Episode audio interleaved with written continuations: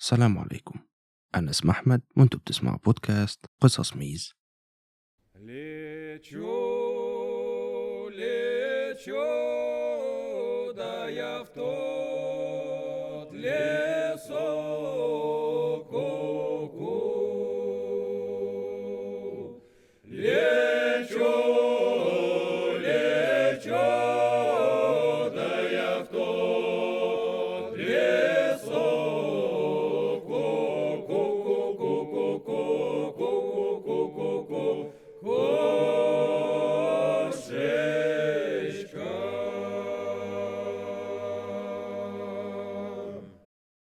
أهلا بيكم في الحلقة العاشرة من قصص ميز. قصتنا النهاردة هتكون قصة مميزة بسبب وصول البودكاست للحلقة العاشرة. قصتنا هتكون قصة رعب. أنا سميت حلقة النهاردة الكائن في الغابة. ومن غير ما أطول عليكم يلا بينا نبتدي. في سنة 2010 كان في شاب عنده 17 سنة. في الوقت ده كان في قمة حزنه على موت والده لأنه كان متعلق جدا بيه. فموته أثر عليه جامد. عيلته كانت عندها كوخ في الغابة جنب جبل باتشلر في ولاية أوريجون والتلج كان دايما بيبقى مغطي الجبل فكانوا متعودين دايما إن هما يروحوا ويتزلجوا عليه. كانوا دايما بيروحوا الكوخ ده في الشتاء وبيقضوا الأجازة بتاعتهم هناك. وبعد موت الأب ما كانوش عارفين إيه اللي هيحصل للكوخ ده من ناحية الميراث. وبعد كده قرروا إن هما هيبيعوه. ده طبعا ضايق الابن لأنه كان ليه ذكريات كتير جدا مع والده في المكان ده. كانوا دايما بيصطادوا في الغابة اللي حوالين الكوخ وبيتزلجوا على التلج مع بعض. ولما الأم عرضت الكوخ ده للبيع هو طلب إنه يروح يقعد فيه كام يوم لوحده قبل ما يتباع كنوع من وداع والده المتوفي. الأم وافقت وقالت له ياخد الوقت اللي هو عايزه. قبل الأب ما يتوفى كان كاتب لابنه العربية بتاعته في الميراث فبالتالي الابن ورث العربية دي. وفعلا خد عربيته وبدأ الرحلة للكوخ في الغابة. خد معاه كلب العيلة اللي كان اسمه Midnight وخد معاه أكل وشرب وبدأ الرحلة. كان هدف زيارته للكوخ ده هو توديع المكان قبل ما يتباع. وبعد فترة وصل للكوخ وبدأ ينزل شنطه. الكوخ كان متكون من دورين وكان مبني على الجبل في وسط الشجر. ظهر الكوخ ما كانش فيه شبابيك. لأن الشجر كان مغطيه ما عدا شباك صغير في الحمام. الكوخ من الناحية اللي قدام كان عبارة عن شبابيك كبيرة بتبص على الغابة وفي الدور التاني كانت أوضة النوم واللي فيها بلكونة كبيرة من بره. الدور الأول كان فيه الصالة والمطبخ وكان برضه فيه شبابيك كبيرة بتبص على الغابة وكل المكان حوالين الكوخ كان مليان شجر كتير وطويل. وفي قدام الكوخ مساحة صغيرة ما فيهاش شجر وده كان المكان اللي بيركنوا فيه عربياتهم لكن في وسط المساحة ديت كان في شجرتين كبار واحدة منهم كان ليها جذع كبير وعالي عن الأرض الجذع ده كان ممكن يشيل أكتر من شخص يقعدوا عليه لكن بسبب إنه مرتفع عن الأرض جدا ومفيش طريقة للوصول ليه فمحدش كان بيعرف يطلع له. اللي باصص من الدور التاني في البلكونة يقدر يشوف المساحة الفاضية اللي قدامه والشجرتين اللي في نص المكان ده وجذع الشجرة الكبير. وبعد ما الابن وصل ونزل حاجته ووصل ال PlayStation اللي كان جايبه معاه بالتلفزيون وحط الأكل والشرب في التلاجة بدأ يرتاح. و Midnight الكلب كان مبسوط وبيلف في الكوخ كله. أول يومين عدوا كانوا كويسين وكان الجو كويس. وكان كل اللي بيعمله إنه بيلعب PlayStation وخرج أكتر من مرة يتزلج على التلج لكن في اليوم التالت بدأ يحصل حاجات غريبة Куда летишь, да кукушечка, ку-ку?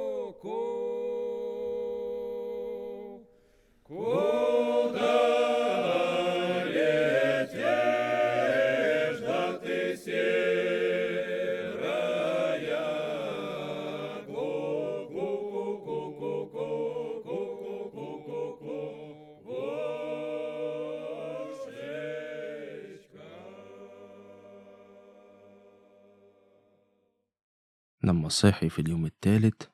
الدنيا كانت بتمطر تلج كتير. كل حاجة بره كانت متغطية بالتلج. قرر إنه مش هيخرج في اليوم ده بسبب التلج.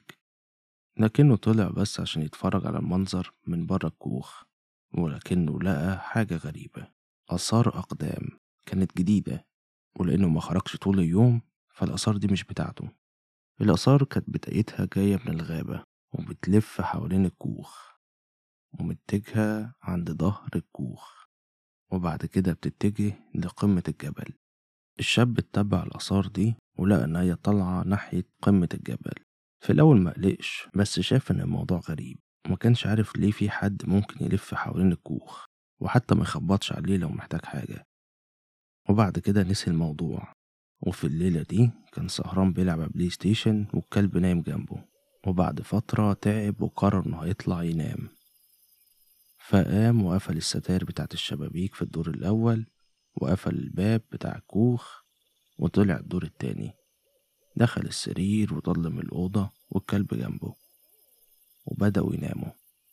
وفجأة قبل حتى عينيه ما تروح في النوم الكلب قام وقف وفضل يبص ناحية السلم اللي بينزل للدور اللي تحت. وكان واضح إنه مركز مع صوت حاجة جاية من الدور اللي تحت. وفجأة نزل على السلم جري. الشاب جه في باله فجأة آثار الأقدام اللي شافها الصبح. وكان سامع صوت Midnight تحت وهو عمال يلف في الكوخ كله. وبعد كده راح وبدأ يخربش على الباب بتاع الكوخ عشان عايز يخرج. الشاب قرر ينزل الدور اللي تحت ويشوف Midnight بيعمل إيه. لأنه كان واقف قدام الباب وبيحاول يطلع. فجه في باله إنه أكيد عايز يطلع عشان يقضي حاجته. ففتح له الباب وميد نايت خرج وبدأ يمشي بالراحة لحد ما وقف وبدأ يبص على جذع الشجرة اللي في نص المساحة الفاضية. الشاب لما لقى الكلب باصص كده وواقف بدأ يقلق. فراح مسكه من الطوق بتاعه ودخله جوه الكوخ وقفل الباب بالمفتاح ولفع الشبابيك واطمن إن كلها مقفولة. بعد كده خد الكلب وطلع الدور التاني. Midnight ما كانش عايز يطلع معاه ولكنه شده بالعافية وطلعه. لكنه حتى لما طلع فضل واقف جنب السرير وباصص على السلم. الشاب حاول إنه ينام لكنه كان بدأ يخاف. وبعد نص ساعة فجأة سمع صوت حد ماشي فوق الكوخ. الكلب فجأة بص لفوق. كان في صوت خطوات جاي من السطح. ولكنها ما كانتش خطوات عادية كانت خطوات حاجة ليها حوافر. الشاب جه في باله إن ممكن يكون في غزالة طلعت على السطح لكن إزاي؟ لأن أصلا يستحيل إن أي حد يطلع على سطح الكوخ إلا من خلال السلم اللي محطوط في ظهر الكوخ. لكنه جه في باله إن لو حد نط من جذع الشجرة اللي في وش الكوخ ممكن ينزل على السطح بالرغم من بعد المسافة. لكنه فكر لو حتى في غزالة نطت على السطح فهو ما سمعش أي خبطة. فغالبا الحاجة اللي فوق دي بقالها فترة فوق وكانت موجودة من قبل هو ما ينام. وفجأة الصوت وقف. الكلب نزل عينيه من على السقف وبدأ يبص ناحية البلكونة اللي في الأوضة. البلكونة كان ليها باب إزاز ومتغطية بستارة. الشاب بدأ يقلق وما كانش عايز يفتح الستاير ويشوف إيه اللي بره. ولكنه بدأ يجمع شجاعته وقام من السرير ومشي بالراحة لحد البلكونة والكلب كان وراه. بدأ يفتح الستارة بالراحة ولأن مفيش إضاءة خالص بره ونور الأوضة أصلا كان مقفول فما كانش شايف حاجة. ففتح باب البلكونة ورفع راسه ناحية سطح الكوخ ولكنه ملقاش حاجة فوق. كان ماسك كشاف في إيديه وبدأ يودي النور على السطح ولكن برضه مفيش حاجة. الكلب كان كل اللي بيعمله إنه باصص على الشجرة. فلما الشاب انتبه لكده بدأ يحرك نور الكشاف بتاعه من السطح لحد الشجرة. ولما النور جه على جذع الشجرة شاف كائن طويل جدا. قاعد على جذع الشجرة ورافع إيديه الطويلة وماسك بيها الجذع اللي فوقيه. كان طويل لدرجة مرعبة. وكان فاتح بقه وباصص عليه ومبرق. الشاب اتفزع وقع الكشاف من إيده ولكنه بسرعة خده من الأرض ووجه النور تاني ناحية الشجرة ولكن الكائن ده اختفى وما كانش موجود. بدأ يدور عليه بنور الكشاف ولكنه اختفى. مسك الكلب بتاعه بسرعة ودخل من البلكونة وقفل الباب والستاير. فتح نور الأوضة وراح جري على السرير وحط الغطا على وشه ولاحظ إن الكلب نفسه بدأ يخاف وكان بيترعش. وكل اللي كان في باله هو إزاي الكائن ده وصل لجذع الشجرة لأن الجذع عالي جدا عن الأرض وليه كان باصص عليه بالشكل ده وفاتح بقه. الشاب كان عارف إن الدنيا بالليل وضلمة ولسه قدامه ساعات عقبال ما الشمس تطلع وما كانش عارف يعمل إيه. ففضل في مكانه وفجأة سمع حد بيخبط بالراحة على باب الكوخ. الشاب طبعا اتفزع. وما كانش عنده أي نية إنه يروح يفتح الباب. وفضل الصوت ده فترة عمال يخبط. وبعد كده وقف الصوت. لكن بعد شوية سمع صوت حد ماشي بره الكوخ. وصوت الخبط رجع تاني. بس المرة دي على جنب الكوخ نفسه مش على الباب. صوت الخبط بدأ يتحرك حوالين الكوخ كله. الكائن ده كان عمال يخبط وبيلف حوالين الكوخ.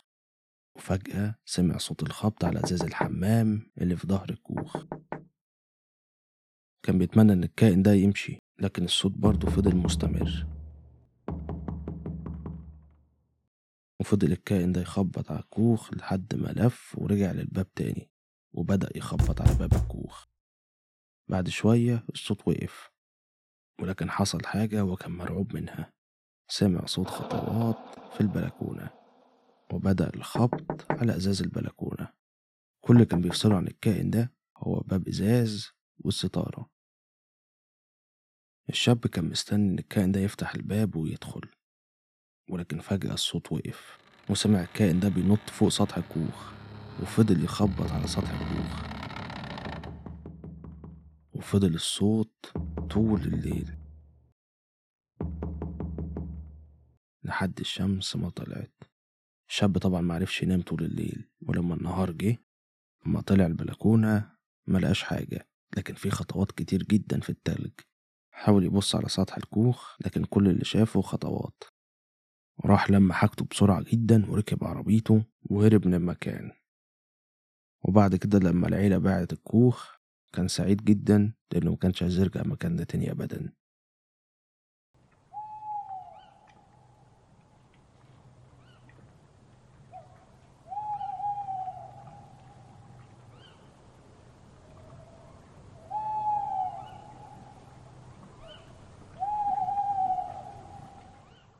وبكده أكون خلصت حلقة النهاردة.